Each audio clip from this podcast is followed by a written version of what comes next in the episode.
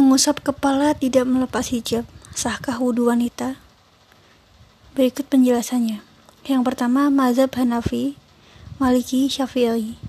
Mayoritas ulama fiqh dari mazhab Hanafi, Maliki, Syafi'i adalah dan salah satu riwayat dari mazhab Hanbali mengatakan bahwa wanita tidak boleh sekedar mengusap atas kerudungnya tanpa mengusap atau membasahi rambut atau sebagian kepalanya secara langsung.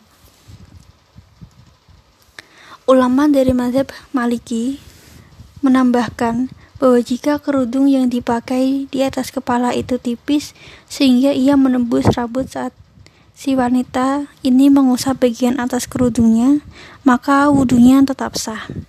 Namun, tidak sah jika tidak ada air, tidak menembus kerudung dan membasahi sebagian kepala. Ada beberapa alasan mengapa jumhur ulama tidak membolehkan wanita sekedar mengusap air ke atas kerudungnya saat berwudu.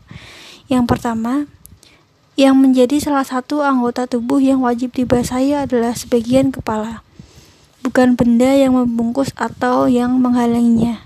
Yang kedua, bolehnya mengusap bagian atas sorban tidak secara otomatis menjadi dalil atas bolehnya mengusap bagian atas kerudung.